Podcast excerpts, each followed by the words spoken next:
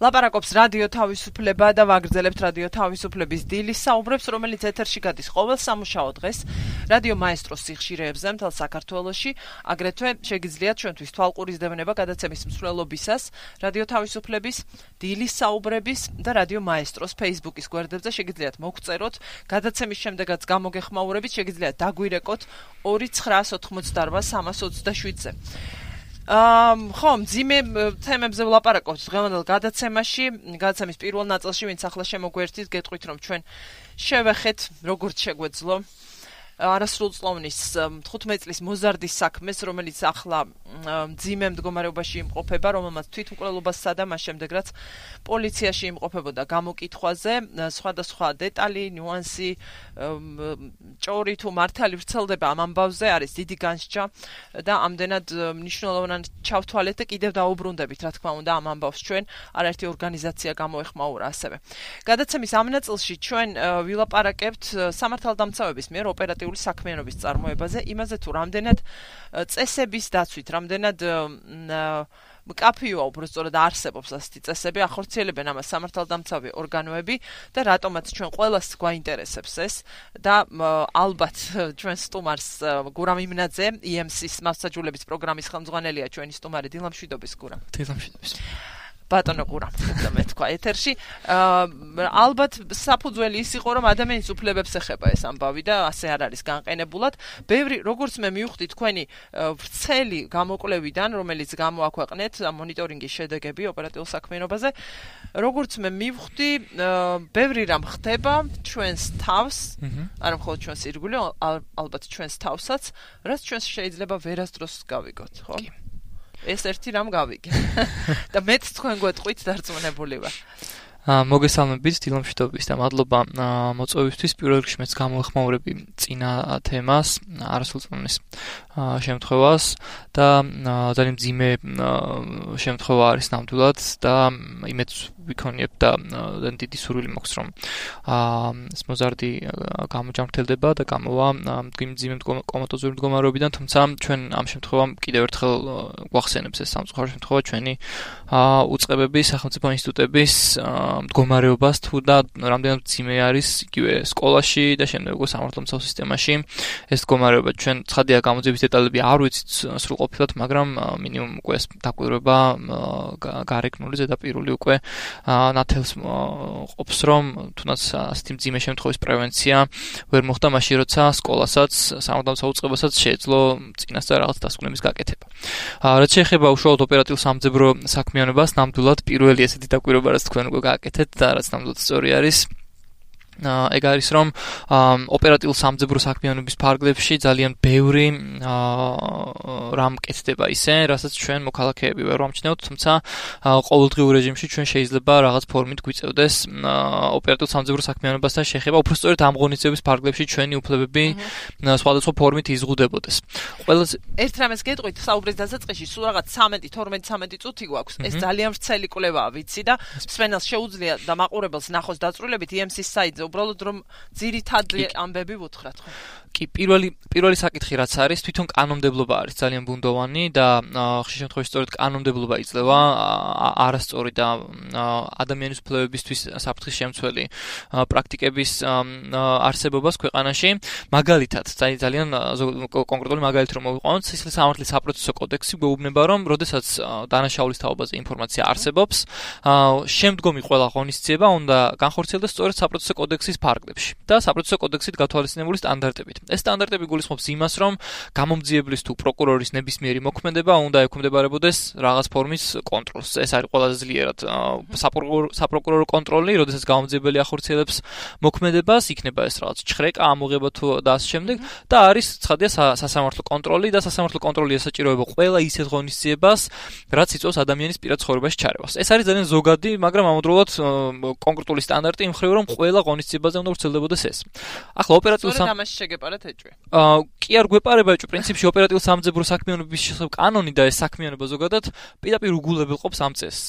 და მაგალითად პირდაპირ ერთ-ერთი საფუძველი ოპერატიულ სამძებრო ღონისძიებების ჩატარებისთვის არის ის, რომ თუ კი ვთქვათ არსებობს დანაშაულის თაობაზე ინფორმაცია, მაგრამ საკმარისი ცნობები არ არსებობს, რომ საქმე წარიმართოს, რომ დაიწყოს გამოძიება. ანუ პირდაპირ ეწინააღმდეგება უკვე საპროცესო კოდექსით განსაზღვრულ ჩანაწერებს და საბოლოო ჯამში ოპერატიულ სამძებრო საქმეების ღონის კანონი შეიცავს ძალიან ბევრ ღონისძიებას, იქნება ეს ფარული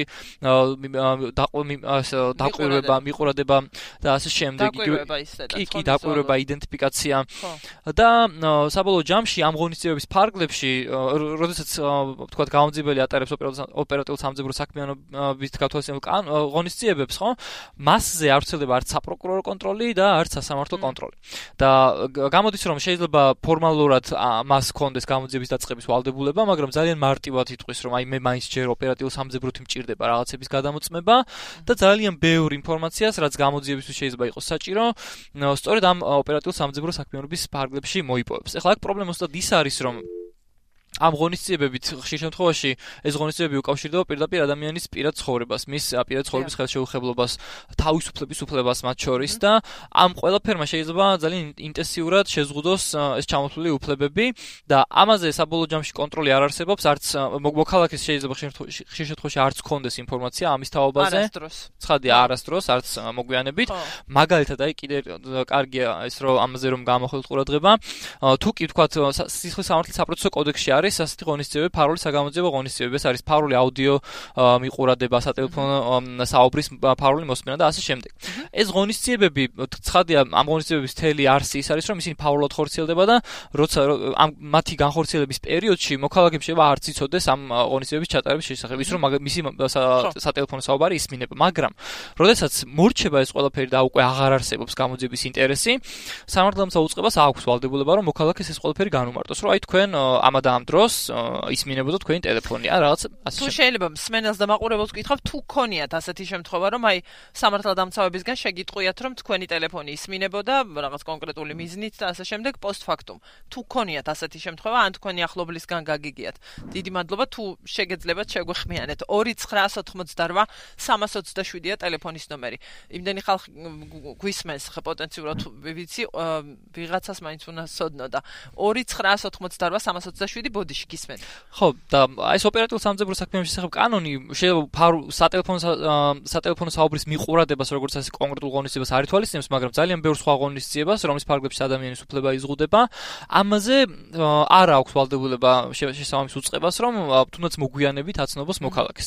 რაც ცხადია, კიდევ უფრო ართულებს საბოლოო ჯამში კონტროლს და მთლიანად დაბურულს, დახურულს ხდის ამ ღონისძიებას. კიდე ერთი ძალიან ესეთი მსხვილი პრობლემა რაც აუცილებლად ამინდოდა რაზეც აი მაგალითად ისიც ბოდიშს გიხდით კი ცოტა დრო გვაქვს მაგრამ აი ახლა ხან აღარ ვიტყვი ვინ მაგრამ ნუ ყველა მიცის როცა ჩიოდა ცნობილი პირი ტელევიზიის ხელმძღვანელი რომ მის ოჯახის წევრებს უთვალთვალებდნენ თქვა მათ გადაადგილებას. მას რომ ეს არ შეემჩნია ან მის ოჯახის წევრებს და ბევრი სგან მოგვისმენია ეს მას არც ეთყოდნენ ამის შესახებ ხო? ხო ეგეც პირველ პირველში ის ის არის დასადგენი ადამიანი, რომელი რა რეჟიმით ხორციელდებოდა ეს ყველაფერი. თუ საპროცესო კოდექსით ხორციელდებოდა ეს ყველაფერი, შემდეგ თქვა ერთი წლის შემდეგ შეიძლება ამ ადამიანს მის ოჯახის წევრებს განუმარტონ, რომ აი თქვენი ესა და ეს თქვენი მიმართ ხორციელდებოდა ესა და ეს ღონისძიება. მაგრამ ძალიან დიდი შანსია, რომ ჩვეულებრივ ოპერატიულ სამძებრო საქმეებში შეხებ ხდებოდეს ეს ყველაფერი თვალთვალი, ესეთი ღონისძიება არის და ამ თვალთვალის ფარგლებში ნებისმიერი ფორმით შეიძლება ადამიანზე დაკვირვება, თუნდაც მისი სატრანსპორტო საშუალების გრაფიკის მიმდევნება და ასე შემდეგ. ამიტომაც ამაზე საბოლოო ჯამში ეს ყველაფერი ცხადია ოპერატიულ სამძებრო ღონისძიების ფარგლებში თუ ხდება, ეს ყველაფერი არის დახურული. კიდე ერთი მნიშვნელოვანი საკითხი არის კონფიდენტი ეგრეთ წოდებული, ანუ ინფორმატემპი, რაც ოპერატიულ სამძებრო საქმეების ძალიან ესეთი მსხვილი და მნიშვნელოვანი ელემენტი არის. აი ჩვენ ხშირად გამოძიებაში გვაქვს ხოლმე ესეთი შაბლონური ტექსტი გამოძიებლების გარო, გვქონდა ოპერატიული ინფორმაცია. და ზუსტად ეს ოპერატიული ინფორმაციის ავტორი არის ზუსტად ეს ინფორმანტები, რომლების არსებობა შიგნითაც კი შეიძლება ვერ შემოწდეს, რომ რეალურად არსებობდა ეს ინფორმატი, არათუ მის მიერ მოწოდებული ინფორმაცია. ამაზე არც არათუ თქვა გარე საპროკურორო კონტროლი არ არსებობს, რომ ეს ინფორმატი ვინ არის, რა რა ფუნქციას ასრულებს, რამდენად ნებაყოფლობით იყო ჩართული თუნდაც საქმიანობაში, ხო, იმიტომ რომ შეიძლება გამოძიებელმა ვიღაცას აიძულოს, რომ ითანამშრომლოს, ხო? ამაზე თვითონ შიგნით უწყების შიგნითაც კი მაგალითად საგამოძიებო ამ შემთხვევაში შიგნით აქვს სამინისტრო რომ ავიღოთ სამინისტროს შიგნითაც კი სამინისტროს მაღალ ხელმძღვანელობას ხშირ შემთხვევაში არ მიუწვდება ხელი ამ კონფიდენტებზე. ხშირად თვითონ თანამშრომლის დონეზე ვერჩება ამ ადამიანების სახელები, გვარები და მათი თანამშრომლობის ფორმები. რამდენად ნებაყოფლობით იყო და ასე შემდეგ. ნუ რო აღარაფერი ვთქოთ იმაზე, ეს ადამიანები რამდენად ობიექტურები არიან, ვთქვათ, შესაძლო დამნაშავის მორთვის მიმართაც ისინი ისე ინფორმაციას. რაც არის უკანონო? ამ ყველაფრის იძლევა სამწუხაროდ კანონი დღეს ამ ამ ამ ამ ყველაფრის ამ ყველაფრის საშუალება სამწუხაროდ თვითონ კანონმდებლობა იძლევა, ამიტომაც კვლევის თავარი რეკომენდაციები იყო ის, რომ საბოლოო ჯამში ადრე თუ გვიან ეს კანონი არის მთლიანად გასაუქმებელი და თუ კი ამ ამ კანონში რაღაცა ისეთი ინსტრუმენტები არსებობს რაც მნიშვნელოვანია გამოძიებისთვის ის უნდა გადავიდეს საპროცესო კოდექსში. მაგალითად საკონტროლო შესყიდვა როგორც ასეთი საკონტროლო ან კონტროლებად მიწოდება ეს ნიშნავს იმას როცა ვთქვათ პოლიციას აქვს ინფორმაცია რომ ხდება ნარკოტიკის უკანონო ვაჭრობა და უბრალოდ უნდა რომ მთლიანი ეს ორგანიზებული ჯგუფი გამოაშკარაოს ამ დროს პირველივე ქვედა დონეზევე შეიძლება არ მოხდეს ადამიანის გამო უბრალოდ მას მიყვეს რომ მთლიანი ორგანიზებული ჯგუფი ჯგუფის სრული იერარქია გამოავლინოს საგამოძიებო უწყებამ. ამას ქვია საკონტროლო შესყიდვა, რაც ცხადია ძალიან მნიშვნელოვანი ინსტრუმენტი არის გამოძიებისთვის, მაგრამ არაფერი პრობლემა არ არის, რომ ეს ღონისძიება გადავიდეს საპროცესო კოდექსში და მისი განხორციელების დროს იყოს ამ ღონისძიებაზე საპროკურორო კონტროლიც და სასამართლო კონტროლიც, რომ ჩვენ მოქალაქეებს და მით უმეტეს საქმეში უშუალოდ შეეხებულობაში ყოფ ადამიანებს კონდეთ შესაძლებლობა ამ ღონისძიების კანონიერება და საფუძვლიანობა აკონტროლონ და ასაბოთ. 4 წუთი გადაგჭა 4-5 წუთი. უბრალოდ რამინდა კითხოთ თქვენი გაღნიშნავთ რომ გამოკვლევაში ანუ გაქვთ სხვადასხვა ნაწილი იკვლევდით კანონმდებლობას და იკვლევდით პრაქტიკას. ასევე შენ თუ სწორად დავინახე ესე იგი შენიშნავთ რომ გარკვეული ტიპის რაღაცა შიდა წესების შესახებ ინფორმაცია არ მოგაწოდეს უწყებებმა სასამართლოსთვის მიმართვა დაგჭირდათ რა მოიპოვეთ შემდეგ შედეგად და ასევე იყო რომ ერთად ვიტყვი ყველაფერს და მე მოგისმენთ რომ იმის საშუალება კი მოგეცათ რომ გასაუბრებოდით პრაქტიკის შესახებ თავად თანამშრომლებს უწყებების ხო? კი, კი, კი.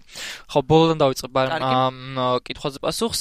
კი, ნამდვილად ჩვენ პროკურატურის შენახსა სამინისტროს და ფინანსთა სამინისტროს საგამოძიებო სამსახურებს ქონდა თანამშრომლობის შესაძლებლობა და რამდენიმე მათ თანამშრომელს უშუალოდ გამომძიებელს ჩამოვართვით ინტერვიუ, უბრალოდ ამისთვის ჩვენ გვაინტერესებდა ამ ადამიანების შეხედულებები, უშუალოდ შეხედულებები თვითონ როგორ იყენებენ ამ ღონისძიებებს, რამდენად დიდ როლს ასრულებს ოპერატორ სამძებრო საქმიანობა მათ პროფესიულ საქმიანობაში. ცხადია ეს ადამიანები ჩვენ ვერ გვესაუბრებოდნენ მათი საქმიანობის იმ ნაწილზე, რაც გასაიდუმლოებულია და ძალიან სამწუხაროდ ძალიან დიდი ნაწილი სწორედ გასაიდუმლოებული არის. გასაიდუმლოებულია კანონით თუ გასაიდუმლოებულია აი საიდუმლოა და არ გეტყვი. არა, არა, გასაიდუმლოებული არის კანონით მათ შორის. ოღონდ კანონი კანონით ჩვენ გვაქვს ზოგადი სტანდარტი რა ტიპის ინფორმაციები უნდა იყოს საიდუმლო. შემდეგ უკვე მაგალითად ოპერატიულ სამძებრო საქმიანობის კანონი იქიდან გამომდინარე ეს არის კანონი და ყველაფერს დეტალიზ შესაძლებლად ვერ გაწერს. შემდეგ უკვე ჯერი მოდის, რომ რაღაცა საკითხები გაიწეროს, ვთქვათ, ministris ბრძანებით.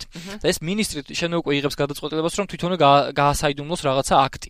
რაც უკვე არის პრობლემა, იმიტომ რომ ხშირ შემთხვევაში ისეთი რაღაცები არის გასაიდუმლოებული, რისი გასაიდუმლოების და დახურვის საჭიროებაც საერთოდ არ არ არსებობს.